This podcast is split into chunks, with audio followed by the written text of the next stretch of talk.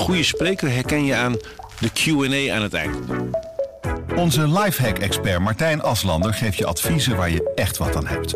Beluister en bekijk Martijn of een van onze andere experts op businesswise.nl. Businesswise, het nieuwe platform voor iedereen met ambitie. Goedendag, dit is het nieuwsoverzicht van de Stentor. Een zeecontainer in een bedrijfshal in Apeldoorn staat in brand.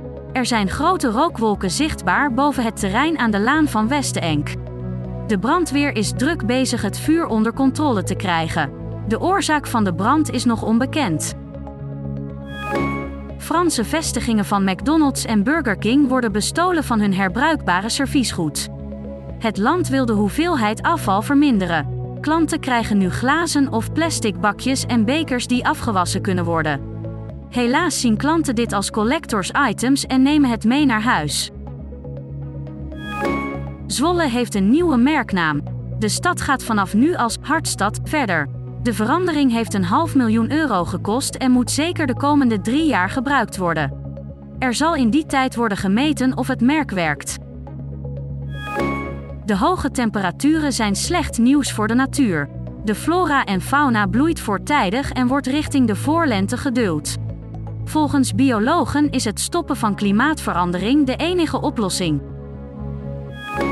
Het CBS meldt dat de CAO-lonen vorig jaar met 3,2% gestegen zijn ten opzichte van 2021.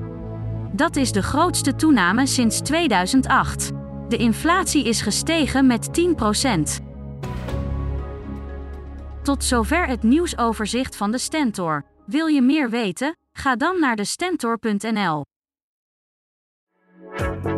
Een goede spreker herken je aan de QA aan het eind.